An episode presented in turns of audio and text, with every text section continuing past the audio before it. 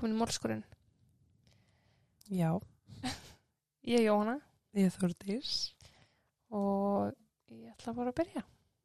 Allar eitthvað að ræða hérna allar þessar uppfærslu sem er að gerast á sári. Herri já, við að byrja því eldsnögt. Uh, já, Faith Hedgepath. það er búið að handtaka morðingin annars. Ég er í sjokki, sko. Oh lordy lord. Bara einhver mjög random gaur en sem vitað er allavega. Já, ég líka bara einhvern veginn 2021 er búið að koma svo mikið óvart. Mér finnst Mm. vera svo mörg mál bara vera að upplýsast. Já. Ég er bara að hugsa, er Delphi næst eða? Ó, ég var, herðu, einhvers stað sá ég einhvað um það. Að það var eitthvað, það er eitthvað í gangi þar. Góður. Þannig að Oh, vonandi, ég er bara, ég ger ekki annað en að skoða máli með Gabi. já, ég, ég var að fara að segja, meðan ógisla mörg mál er að leysast. Já. að þá eru á sama tíma önnur mál Bara að eitthvað hefjast. fyrðulegasta mál sem ég hef séð. Já, þetta er ótrúlega skrítið. Bara, ég hvet alla til að við settum inn á morðskurinn Facebook-hópin. Það er þar í einu þræðinum rúmlega klukkutíma langt YouTube-vídeó þar sem að lauruglan er að hafa afskipti af Gabi og kæristum hennar og smá background, Gabi kæristum hennar fara í húsbílaferð og að fara þvert yfir bandaríkin held ég Já. og allt í einu hættir Gabi hafa sambandi fjölskyldinu sína og kærastin er komin heim og Án hennar. án hennar Og kemur með bílinn. já, og hann er á bílnum og neytar aðstofa lauruglu með að upplýsa hvarfið á Gabi það fyrir eitthvað, já, og hvar er Gabi? Já, ég veit það ekki. já, bara, og ætlar ekki að hjálpa og, og lögfræðingurinn hann segir bara já, þú veist, hann ætlar ekki að hjálpa því að hann er sá sem er grunar, af því að makar eru yfirleitt þeir sem eru grunar bara já, þess þá heldur ætlar ekki að hjálpa fýblið þitt Einmitt.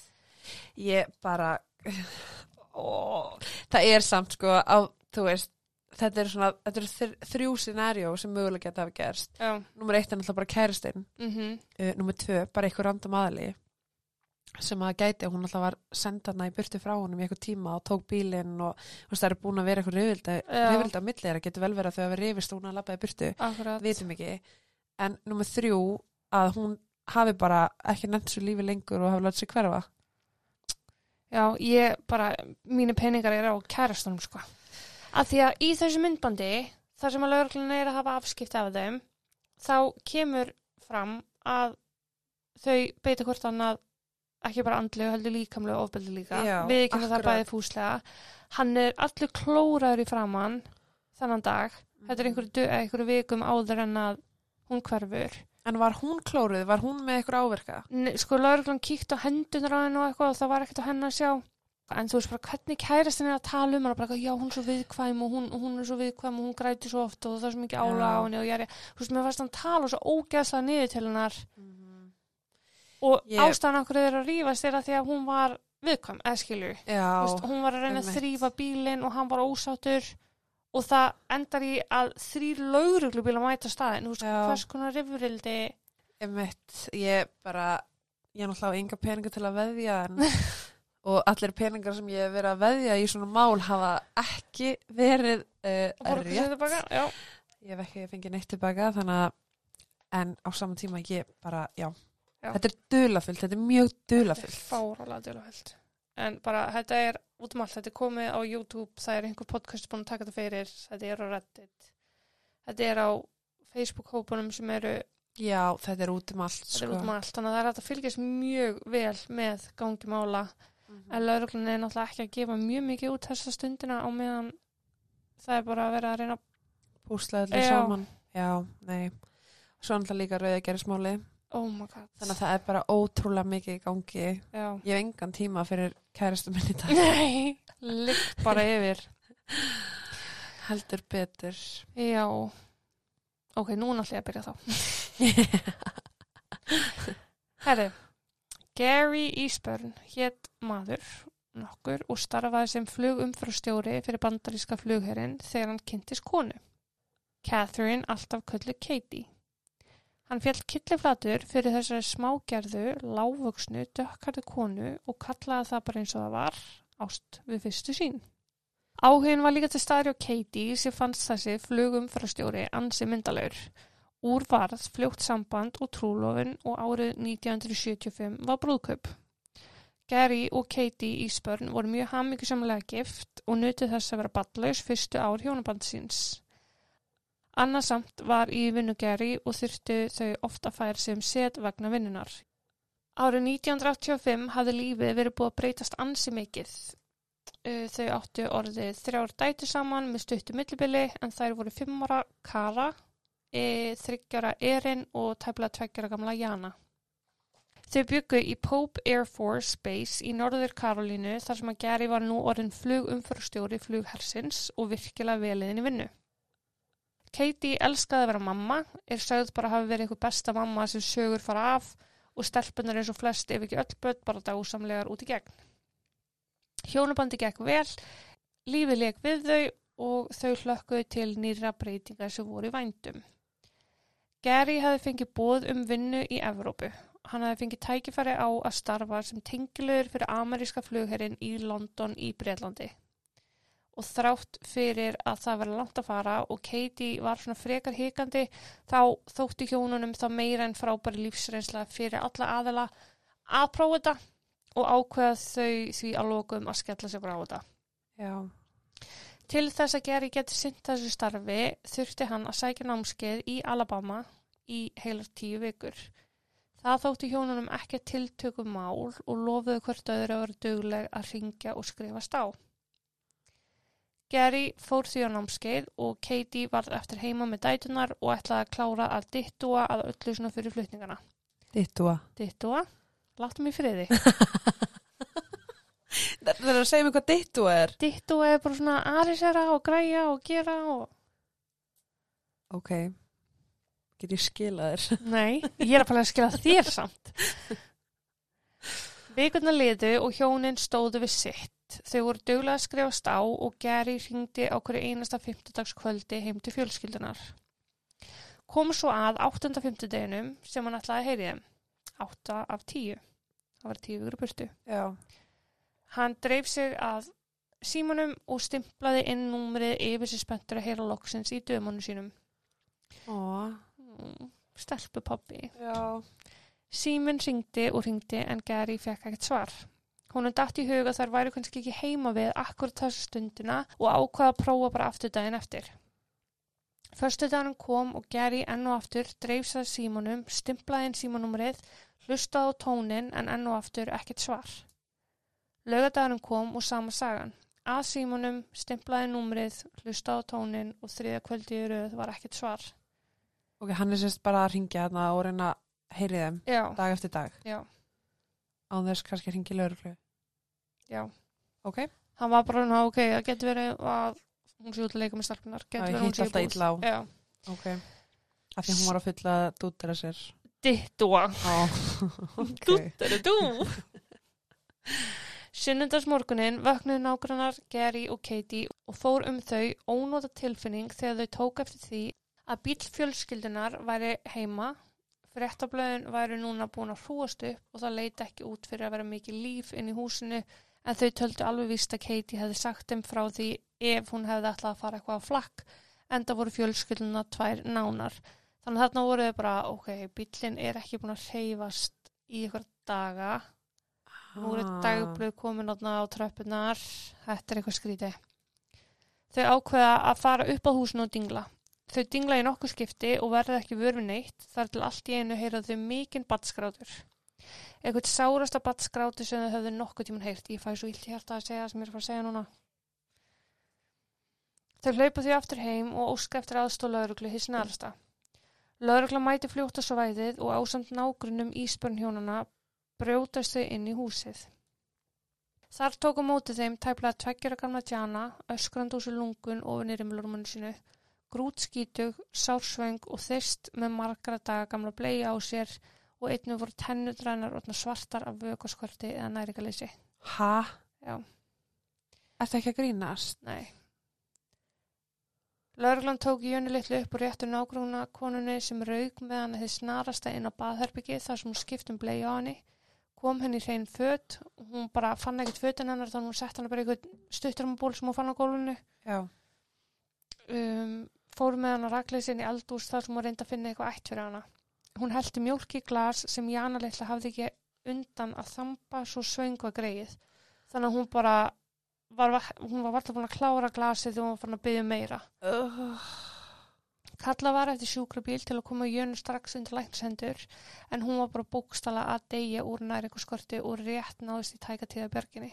Bara hefði hún verið þarna inni í 2, 3 og 4 tími viðbót þá hefði hún bara dáið. oh my god. Á meðan Jönu var komið á spítala voru lauruglumennir að ganga hringum húsið til að aðtömi maðgurnar sem hefði ekkert heist í.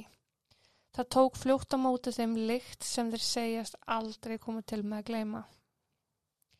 Katie, móðurinn, fannst henni í svefnherbyggi, öðru með yfir rúmið, hálfnakin, nærbúsina lágu við hlið henni ripnar, hún hefði verið lamin, stungin og skorin á háls.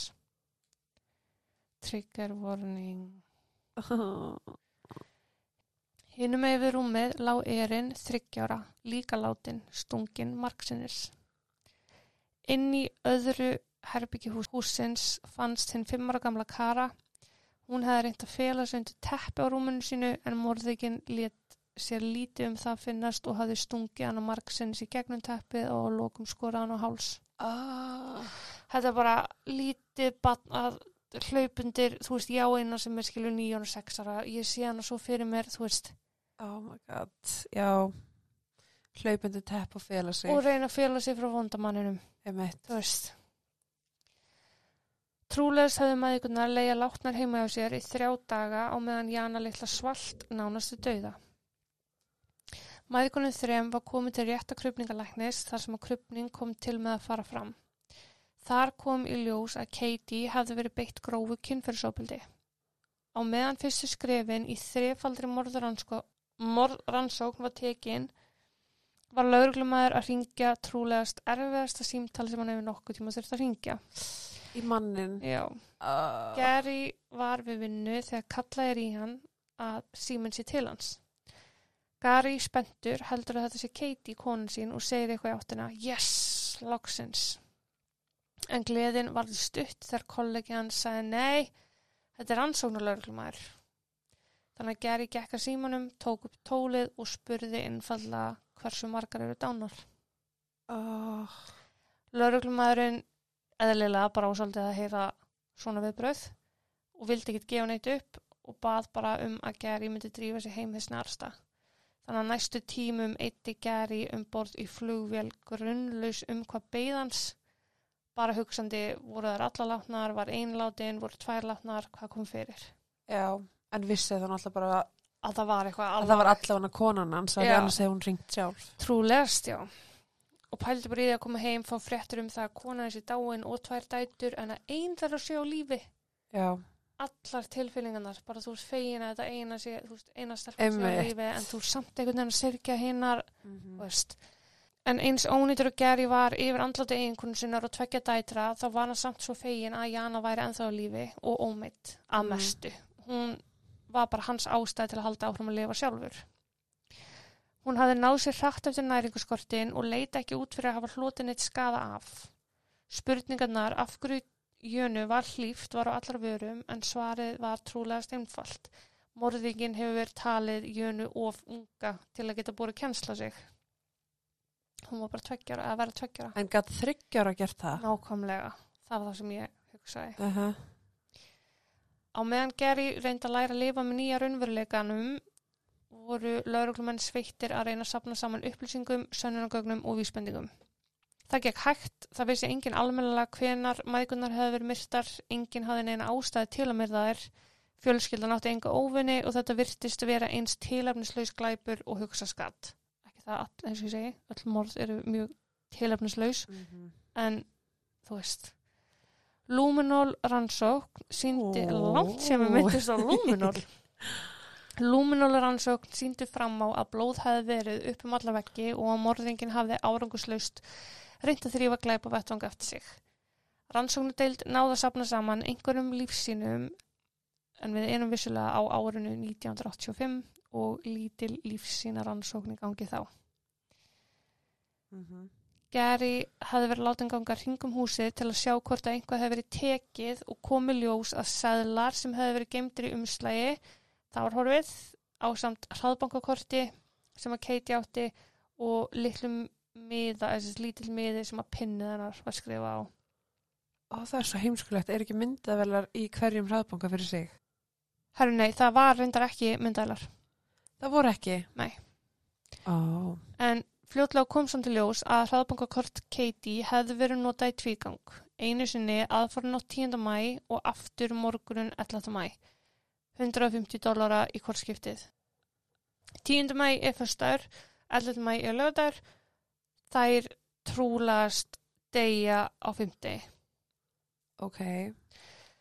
Lauruglan lagði sig alla fram í rannsóknuna, gengi var á alla dyr í hverfinu og rætti við alla fótgangandi til að fá einhver upplýsingar sem getur leist málið.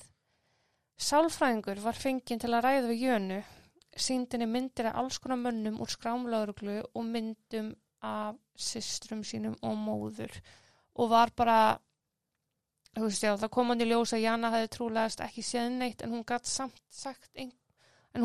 sagt, einhver orð sem hún hefði trúlegast heyrt þegar móðurinnar og systur voru myrstar. Af hverju er verið að láta hann að fara í gegnum þetta? Já, hún gætt sagt, þú veist, runaway, bad guy og eitthvað svona. Í alvöru, tveggjur á bad. Já, ég mynd tvekkur upp að tala alveg. Já, já, en þú veist, er orðaforðin bara á orðaforðin að vera svona eða? Nei, þetta er ekki eitthvað sem að ég myndi vilja að tvekkur upp að mitt myndi kunna að segja. Einmitt. En það var ekki nóg til að veita laurugluninni almennlegar upplýsingar því voru þeir því umfegnari og mikið létt þegar ungu maður kom fram með upplýsingar. Hann sagðist að sé hávaksinn hvítan mann í galabuxum og svörtum jakka sem stóð á members only. Ganga út af heimili Ísbjörn fjölskyldunar klukkan hálf fjögur aðfara nótt 10. mæ. Þessast fyrstdagsins. Ok. Hann sagði að maðurinn hefði gengið út um dyrnar með ruslapoka í hendinni. Hann hafi svo lappað út í hvítabíli sinn sem var að tegundinni Chevrolet Chevette. Krupningalæknir hafði áætlað að maðurnar hefði látist einhver tíman á bylunu 8 um kvöldið 9. mæ til 3 aðfrunótt 10. mæ. Þannig að 50. kvöldið eða aðfrunótt fyrstdagsins. Þar hafi dáið einhver starf á því tímabili. Oh, ok. Svo þetta stemdi bara við það. Maðurinn gætt gefið greinagóðu lýsing á mannunum og var því fenginn til að setjast niður með teiknara á vegum lauruglunar sem rissaði upp mynd af hinn grunaða. Þegar réttlega rannsóknuna komu ljós að Katie hefði hitt mann og gefið honum fjölskylduhundin. Fjölskylduhundin þeirra. Ísbjörn fjölskyldan átti hund sem þau sáu ekki fyrir sér að geta tekið með sér til Breitlands vegna einangrunar regluna og því var tekin svo erfa ákvörðin að gefa hann. Ok. Katie hafði skrifað eiginmanni sínu bref um að maðurinn sem hún hafði hitt til að gefa hundin hafði verið mjög indæll og kurtismadur, nýlega giftur með ungt barn. Hann hafði átt hund fyrir og hafði viljað bæta við sig einum í viðbútt sérstaklega núna þegar hann var komið með barn. Þú veist þá vildi hann að, að barnið sitt myndi alast upp í kringum hunda. Og hvað eignast hann bad með lofti eða? Nei, hann átti konu, Ó, ok. nýlega giftur með ungt barn. já. Erst ég var bara að hugsa maðurinn, ég heyrði bara maðurinn. Já, já, já. Þessum upplýsingum var komið til fjölmela og þeir lístu vilt og gali eftir einstakling sem hefði sótt hund á heimili Ísbjörn fjölskyldunar sömu viku og morðin hefði verið framinn. Skilur þú hvað er í gangi? Er það að vera að segja mér að þessi maður draf fjölskylduna? Nei, en skilur þú hvað sest, mándinu, þriðdunum og miðgudunum eitthvað kemur einhver maður og sækir hundin. Já. Á fimmtudeginum eru þau dánar og á laugadeginum finnast þau. Já. Ég skil það. Ok, fyrir hérna, það er eitthvað góð. 15. mæ eða fjórun dögum eftir að lík maðurnana fundust gekkin maður á lauruglustöðuna og saðist vera maðurinn sem leita var eftir.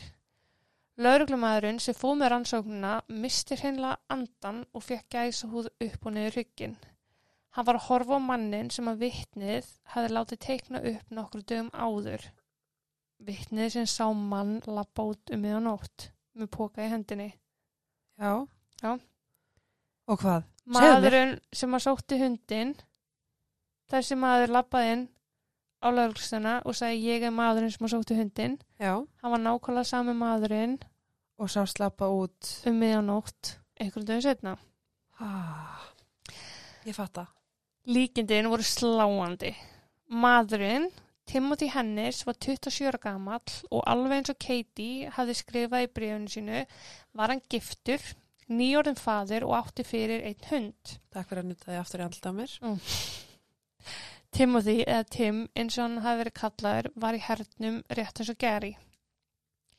Tim viðkynnti fúslega hann hafi sótt hundin, hann var samstarfshús með öllu og gaf öll þau lífsinni sem að lögurkla baðanum, hársinni, munvaldssinni, fingraför, lóaför, tásuför, allt sem að lögurkla gaf tekið, hann var bara á ekkert mál. Hann var tekinn til yfirheyslu og gaf fjárvistasönnun. Hann hafði á 50 deginum kyrt konu sína og nýfæta dóttur til tengdafórlsina hafi svo stoppað og tekið bensin á bílinn sinn og svo haldið heim til sín. Hann sagði að Katie eða The Dog Lady, eins og hann ávarpaði hann alltaf, hefði ringt í svo 50 deginum og spurt hvernig hundurinn hefði haft það. Hún hefði bara viljað taka stöðuna, þannig að hann var bara eitthvað, ég veit ekkert hvað þessi kon heitir, ég kom bara svo til hundin í vikunni og svo gaf ég henni númur mitt þannig að hún geti tjekkað á hundunum þegar hún vildi. Ok. Sláandi líkindi Tims og mannsins á teikningunni vakti óhug og lauruglan fór því að skoða hann betur. Þau voru bara okkur hverjar eru líkurnar á að maður sem að labba út um miðanótt og maður sem að sóti Mhm. hundin séu líkir. Emmett. Vitni kom sér fram sem sagðist að við sé mann sem að stemdi einnig við lýsingun á Tim í hráðbanka morgunin 11. mæ. Tim átti líka hvítan bíl að gerðinni Chevrolet Chevette eins og vitnið sem að sá mannin labba út hafði séð mannin labba í Já, ég fatta. Já. Já. Og eftir frekari eftir grænslan kom í ljós að Tim átti líka svartan jakka með Members Only logoi sem hann hefði sett í hreinsun á mánudeginum 12. mæ. Neldur. Vittnið sem sá mannin ganga út frá Ístbörn fjölskyldinni nóttina örlaríku var fenginn til að bera kennsla Tim. Hann var látið skoða nokkru myndir og benti á mann á mynd nr. 2 og sá var sjálfsögðu Tim Hennis. Rannsóknar lauruglumennir sleftu Tim þegar þeir höfðu lókið sér af og því næst heldur þeir til dómara til að fá heimil til að handtaka Tim hins snarasta. Það tók samdagus og voru þeir mættir heim til Tim stuttu síðar. Tim tók á mótið þeim og sagði við þá ég vona að þau viti hvað er að gera. Og þegar lauruglan til, tilkynntu honum ákjærnar sagði hann það lítur allt út fyrir það að ég fá að klæðast þessum appisinu ykkurlu samfestingum sem er bara mjög óveðandi. Uh, já. Þú getur líka keift svona út í búð bara þegar langar að klæðast þessu sko. Já, er ekki að drepa mann og annan. Emmett. En rannsóknulörglumenn heldur nú áfram að grafa í líf Tims þeir töluðu við nágrunna hans til að staðfesta sögu hans um að hann hefði verið heima 50. kvöldið. Ekki var þetta staðfesta það en nágrannarnir höfðu nú samt áhuga að vera sögu að segja. Laugadaginn eftir morðin hafði Tim sótt sér tunnu, fyllt hana af trjátrömbum, held yfir það bensinni og kveikt í og leift því að brenna í svo gott sem 5 klukkutíma. Uh, ok. Við ennfrekar eftirgrænslan komist þeir að því að Tim átti við svolítið skapbresti að stríða. Hann hafði nýverið lent í slagsmálum við samstagsfélagi sinn og yfirgefi vinnustað sinn með látum í kjölfarið. Hann sérst vann tvær vinnur og þetta var ekki hér vinnan. Hmm. Einn voru fyrir ástamál, Tims skoðu frekar og það rákus lögurlumenn á konu að nafni Nancy Míser. Nancy og Tim höfðu verið kæristpar einhverju áður, áður en að Tim giftist eiginkonu sinni og eignast með henni bann. Tim átti það samt til að banka upp á hjá Nancy til að sjá hvort hann geti fengið að kúra hjá henni. Nei. Og kvöldi sem hann sagðist að hafa kert konu sinni og bann til tengdafóraldra og farið beint heim, þá stoppaði hann einmitt við hjá Nancy í dágóðan tíma. Laugað henni að eiginkonu sín hefði farið frá sér og reyndi þannig að fá sér svolítið gott í kroppin. Sem að gekk ekki og hann strunsaði því þaðan reyður út. Giftur með tveggja mánaðan gammal stungabann. Það var bara húðfletta svona menn sko. Mhm. Þetta var lögreglan bara, já, já, við erum með rétt mannin, það stemmir allt saman í hana. Tim var nú búin að ráða sér þá allra bestu lögumenn sem völ var á og tilbúin í slægin sem var framöndan. Ákjörvaldi bauð Tim samning sem hljóðaði upp á að játa á sig morðin og fá í staðin tvo lífstega fangelsistóma í stað döðarafsingu sem var nú í umræðinni. Tim harneitaði og sagðist ekki alltaf játa eitthvað sem hann hafði ekki gert. Sumari 1986 voru rétturöldin haldinn, lauruglan og ákjöruvaldið fannst þeir vera með borð, borðliggjandi mál. Ákjöruvaldið síndi kviðdóm skelvilega myndir af vorvettvangi, Ég vil ekki vera ha. af morðvettvangi og líkum maðgnana. Vittni sem að sagðist hafi séð Tim bar vittni, konan úr hraðbankanum bar vittni og mjög hávær rifrildi gengu á milli ákjöruvaldisins og varnarinnar. Ákjöruvaldið málaði upp ljóta mynd af ótrúum eigimanni og lélugum föður sem var barnamorðingi í þokkabót. Á meðan vörðin málaði mynd af manni sem var með flekklus og sakaskrá, vann aukavinnur til að sjá fyrir fjölskyldu sinni og var vel liðin í hernum og kom af góðri fjölskyldu. Eftir nokkra dagar réttaröld var komið að kviðdum að taka ákvörun. Tíu tímum síðar var kviðdumur komin að niðurstöðu. Ég ger mér ekki alveg grimm fyrir hvort það sé rosa mikið eða rosa lítið. Tíu tímar. Um, ég myndi halda að vera mikið. Aha. Ég meina það er ekki kveðdómur að sitja með ekki fara út úr herbygginu fyrir að komast að niðurstöðu. Þau, þau geta oft tekið sér bara 2-3 daga, sko. Já, það, já, Allana, tíu tímum síðar, þá var komin niðursta. Segur í öllum ákærliðum. Og þreymundum síðar var dómur kveðin upp. Tim hlaut fyrir þrjú morð af fyrstu gráðu og eina nöðgun döðarafsingu. nöðgun. Hann nöðgaði konunni, Katie. Var það, sem sagt, þetta var kynferðislegur kvati.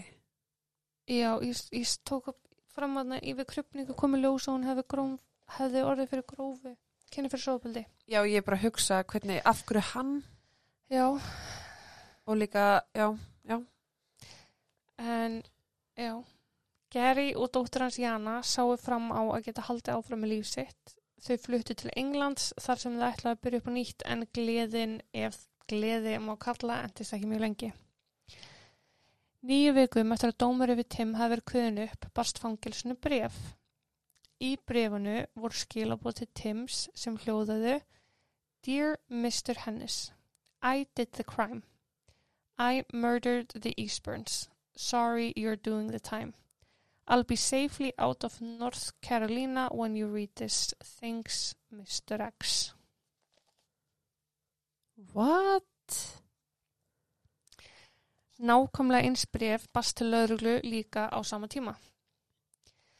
Árið 1988, eftir að Tim Hennis var búin að áfriða dómnum sínum og byggja um önnur réttarhöld, var Gary kallar heim til bandaríkina aftur með þeim fregnum að morðingi eiginkonur hans og tveggja barna væri að fara að fá önnur réttarhöld vegna vafans sem hefði myndast Út af einhverju brefi? út af brefinu. Við setni réttarhöldin innblindi vörnin hans Tims á að ákjöruvaldið hefði tveimur árum áður beitt allt of mikill hörku með myndunum sem þeir síndu frá glæpavattangi. Þannig voru þeir að sína bara fimmara barn skoruð á háls, Já, þryggjara barn stungið margóft. En ég meina þurfa ekki að gera það í réttaröldunum, það þarf alltaf að vera að liggja á borðinu. Jú, en þarna var, voru rökin þeirra bara, þú veist, það var nú þegar smá vafið þau voru ekki með neitt slegið. Þetta var svona frekar... Þannig að það er verið að nota myndið á bönnunum til kannski að gera líklega að hann fái sagfellingu út af ógeðleika bara. Já, þeim, Ah. það var upplifun varnarinnar. En þeir dróðu mannorð vittnisins sem að sá Tim um nóttina árið 1985 bókstala upp úr skýtnum og ásökuði hann um að vera legara og plottara. Það kemur ekki óvart að verðin gerir slikt. Nei, þá hafði hann einnig brotið, vittnið hafði brotið af sér eftir að hafa vittnað fyrir ákjörvaldið og hefði getað hrist af sér nokkra dóma í kjölfarið sem Já. gaf vörninni tækifæri á að sína fram á að hann væri jafnvel ekkert að segja satt og væri bara að reyna að bjarga sínum einn rassi með því að ljúa um Tim Hennis. En þetta er ansi mörg dítil, sami bíl, sami jakki, þú veist, Já, líka bara hvernig á hann að vita allt þetta um Tim. þennan mann. Nákvæmlega. Vittnið hafði verið heldur hrókafullur við allt og alla og talað um að hann kemist upp með flest en það væri hann vittni í high profile morðmáli sem ákjörvaldið yrði að vinna. Sem sagt, hann var búin að vera bara með dólk og læti fyrir og eftir málið. og og það er ekki bara gert það eftir málið takk. Já, en það er samt að það ekki hjálpað því að þarna eru að nota það gegn aftur, Já. gegn ákjörvaldinu. að hann hafi verið bara eh, þú veist, þeir get ekki, hann tekið mig get ekki sett mig í fangilsi, ég er aðal vitni hjá þeim, eða þú veist, ég er svo mikilvægt vitni. Þannig að það leita ekkert alltaf vel út hvorki fyrir ákæruvaldið eða þetta vitni. Vörnin hefði líka grafið upp þyrluflugmann sem hafði aðra skoðun á veðrinu kvöldi sem að maðurinn voru myrtar en veðurfræðingurinn á sínum tíma hafði sagt að veðrið hafi verið skýjað og meðan þyrluflugmaðurinn hafi skráði sína bók að veðrið hafi verið virkilega þungskýjað og skegni mjög lélegt þetta kvöld sem ítti enn frekar undir vafan að vitnið hefði getað séð skýrt Tim. Já. Konan hjá hafðbankunum hafði líka breytt sinni frásögn einu sinni sem bætti enn frekar í vafan en hún hafði fyrst sagst ekki verið 100% vissum hvernig maðurinn við hraðbankan hefði litið út en nokkru síðar komið fram og sagt hann stemma við lýsinguna á Tim. Að því hún sá bara, já. Já, Ok. allt þetta pluss brefið frá Herra X var að skapa bara mikil vandræði fyrir ákjöruvaldið sem vildi alls ekki að málið væri á einhverjum brauðfót, brauðfótum. Bröðfótum. Vörnin held áfram að færa fram vittni sem skigðu á frásögn fyrsta vittnisins. Stelpa sem var vön að bera út blöðin á nætunar í götunni sagðist að við sé síðhæðan mann ganga um götu íspyrn fjölskyldunar nóttina örlaðríku og þann mann var hægt að finna og staðfesta að hann hafi í raun og verið, verið að ganga um götuna þessa nótt. Ok. Það sem meira var að þessi síðhærði ungi maður og Tim voru sláandi líkir og þar með var vörnin bara búin að gera það ákjöruvaldið með öllum þeim vafa sem þeir hefðu mögulega getið fundið. Þannig var vafin orðin bara mjög mikill. Já. Tim var þó látum bera vitni og var spurður út í af hverju hann hefði logið til um að við hitt fyrir hann til kærut sína. Svör hans við því voru þau að hann hefði bara ekki muna eftir því og hefði ekki fundist það mikilvægt heldur að segja frá því. Nei, hvað gerur daginn sem voru á þessu stað? Æ, manna ekki. Nei, svolítið mikilvægt að segja allt. Emmett. En kynfærahár höfðu fundist inn á heimilinu sem höfðu ekki verið eigu Tims sem enn og aftur jók á vafan og eftir viku og tóta var Tim að lokum síknar af öllum ákjörliðum og látun laus án allra vandamála. Var kynfæra hárið af Gary eða? Það var bara ekki eins og vita af hverjum þetta kynfærahár var af. Oh. Viðbröð almennings létu ekki leina á sér. Sumir voru gjössalega brjálaðir að morðingi væri látin laus og meðan aðrir klóruðu sér í hausnum og skildu hvorki uppni niður því einu stundana höfðu menn verið alveg vissum að vera segur í því að trúa því hann væri bara alls ekki segur, hann væri bara saklaus. Mm Það hefði bara verið freymaður af lögreglunni. Já. Svo bara held lífa áfram. Gary giftist góður konu sem að gekk í móður hlutverk og varð fyrirmynd jönu og eina móðurinn sem í raun einhvern tíma þekkti.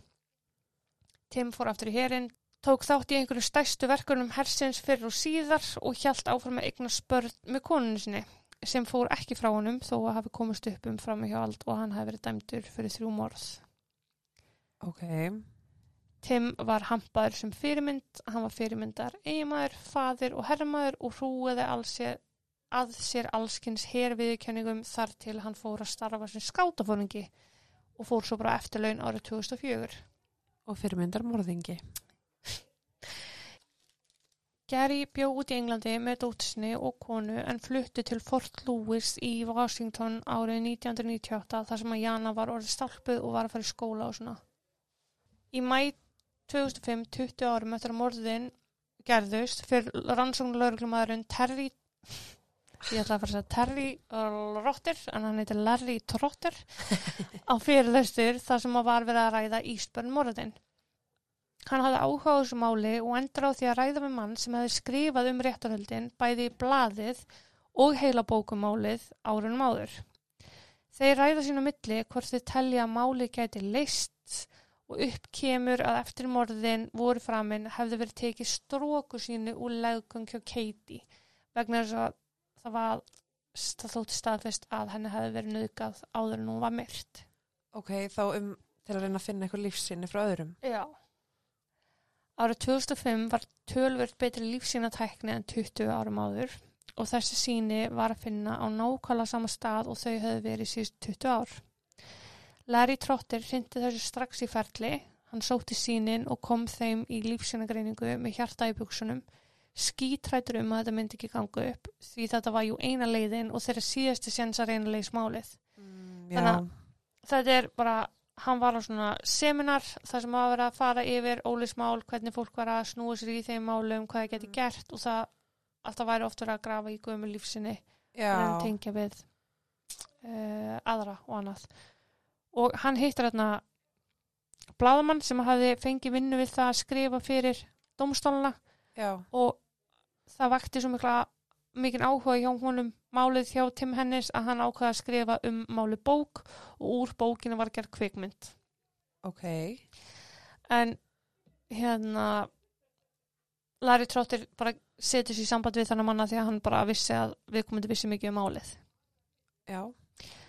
en það er sem sagt farið með sæðið í greiningu og fljótlega komið ljós að magn sæðis væri nóg til að gera á því DNA greiningu. Árið 2006 kom svo lóksins svarið sem, beðið, sem hann hefði beðið eftir mjög óþólumóður og bjóður að gíska hver hann Siggi var. Ok. Þú ert að láta mig efa um sjálf mig. Er það Tim? Eða er það vittnið? Líkunar á að sæðið væri úr einhverjum öðrum en Tim Hennis voru einn á móti 1200 biljónum. Ok. sem sé afar ólíklegt að sæðið væri einhvers annars en Tims. Sá sem hefði verið áfríðaður og laus allra mála síðustu átjón árin. Uh. Og þarna var eiginlega komið saman sem merkið á milli Tims og sektarans. Já. Lauruglumæðurinn Larry Trotter fór rakleiðis til héraðsaksóknara og deildi með honum upplýsingunum og héraðs og héraðsaksóknari fekk þá ánægju að ringa í Gary sjálfan og tilkynna honum fréttinar. Gary var svo ótrúlega létt en sagði að þrátt fyrir að svona langtum var í liðið þá lægi þetta allt í apgrund. Söknurinn og sorgin var alltaf svo sama og þetta er alltaf jafn erfitt. Saksóknarið þurfti að dempa gleðina örlítið þegar hann útskýrði að ekki var í víst að hægt var að draga Tim til saka en það var búið að síkna hann af öllu og ekki auðvelt að snúa sér í, sér í þessu. En það ennabla svo leiðis að The Fifth Amendment Já. sér til þess að einstaklingur getur ekki verið í tvígang dæm, dæmdur fyrir saman brotið.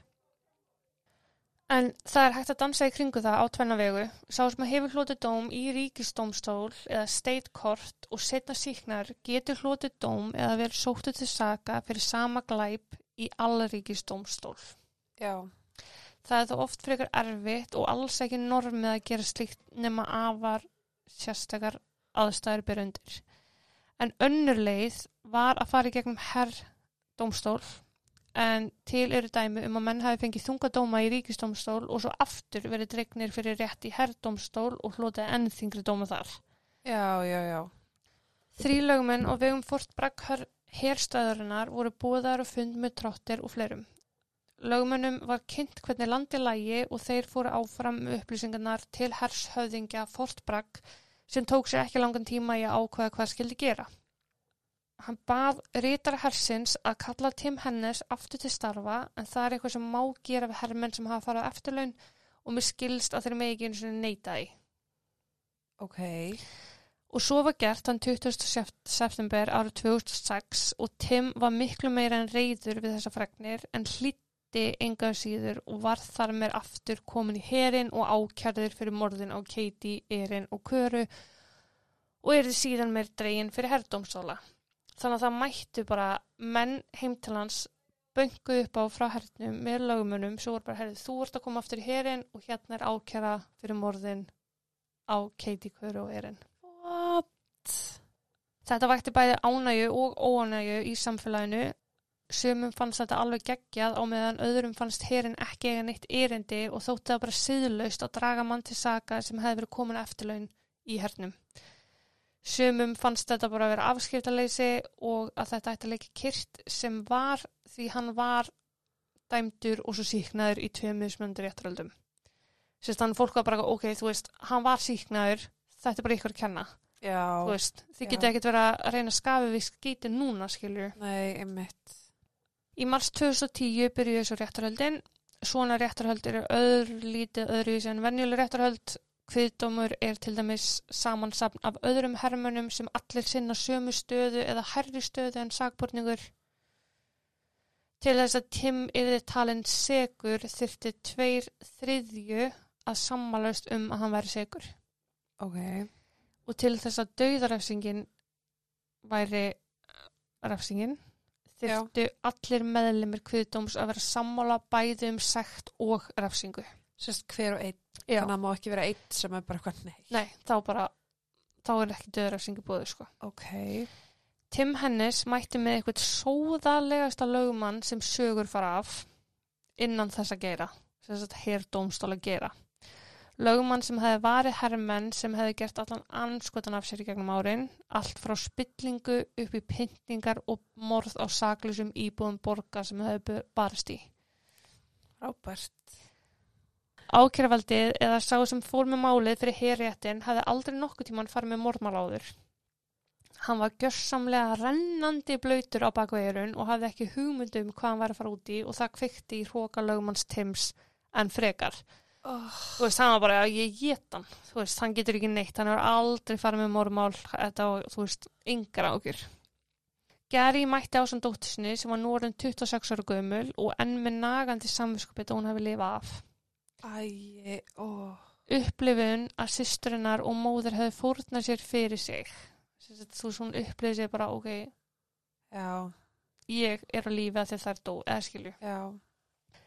Réttarhöldin átti eftir að vera geri, jafn erfið og síðustu tvö Vörn Tims tró DNA sínið í Eva í gríð og erg og vildi meina það að sínið var gamalt að einhver hefði meðhöndlað sínið óvarlega í gegnum árin, einhver hefði endurpakkað síninu og spilt í, einhver hefði trafkað allan glæpa vettvangin og þannig dreift DNA Tims.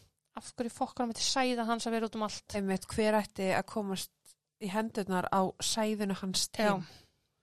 Eins innblíndu þeir á að sæðið var það eina sem að tengdi Tim við Katie.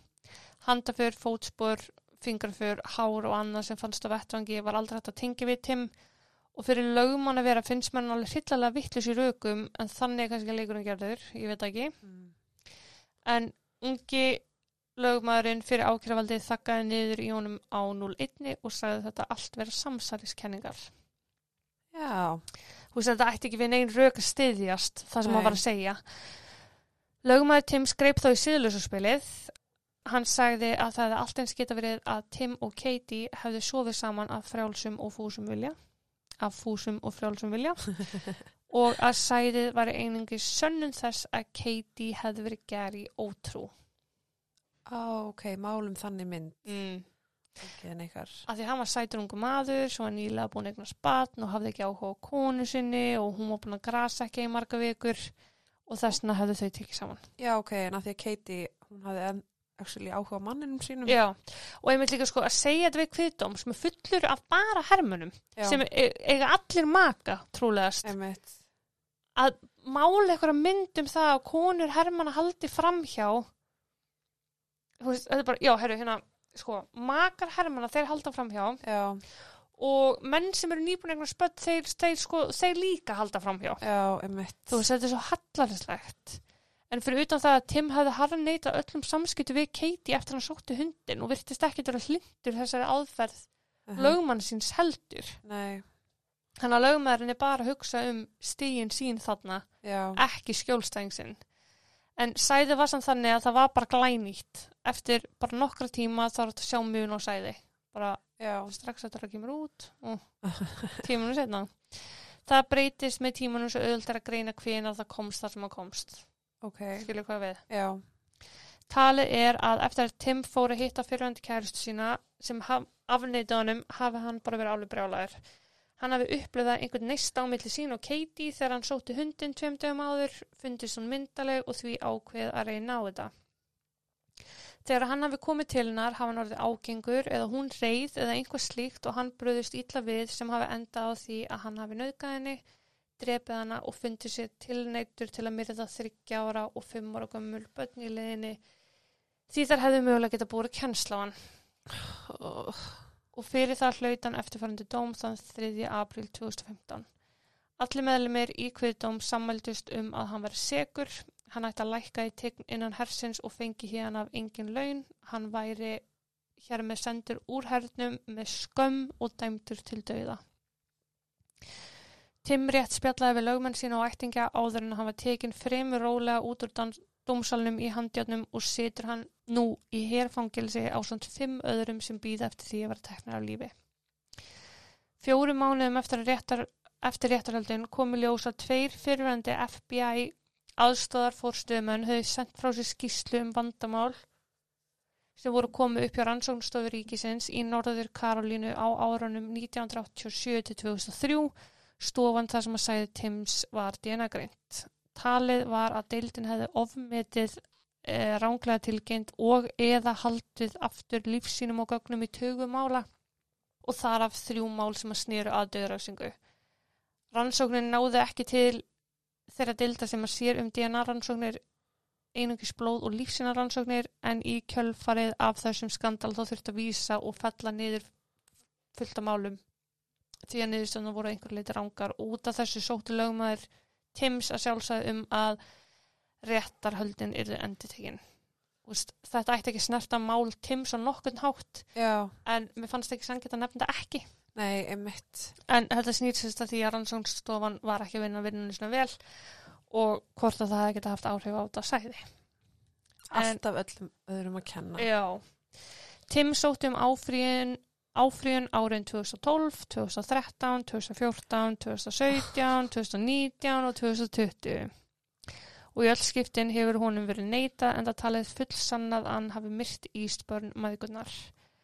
Gary, eiginmaður Katie og fadir Köru og Erin á samt sýstöðra henni Jönu fluttist aftur til Englands og þau hefðu komist að því að í öll þessi ár sem þau hefðu búið í bandaríkjunum höfðu þau búið í um 30 mínuna fjallað frá Tim Henning. Nei. Jú.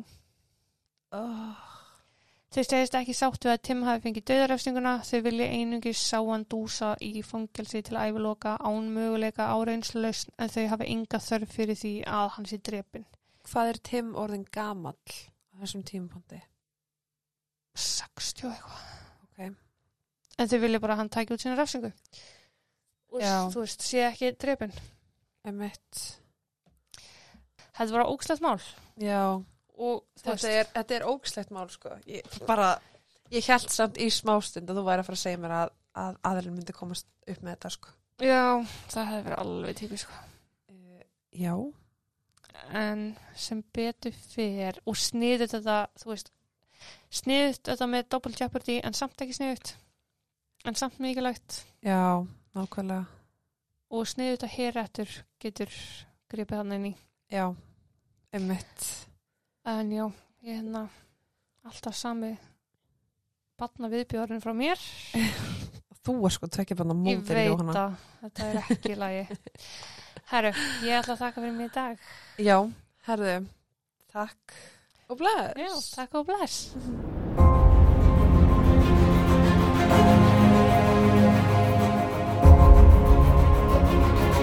Thank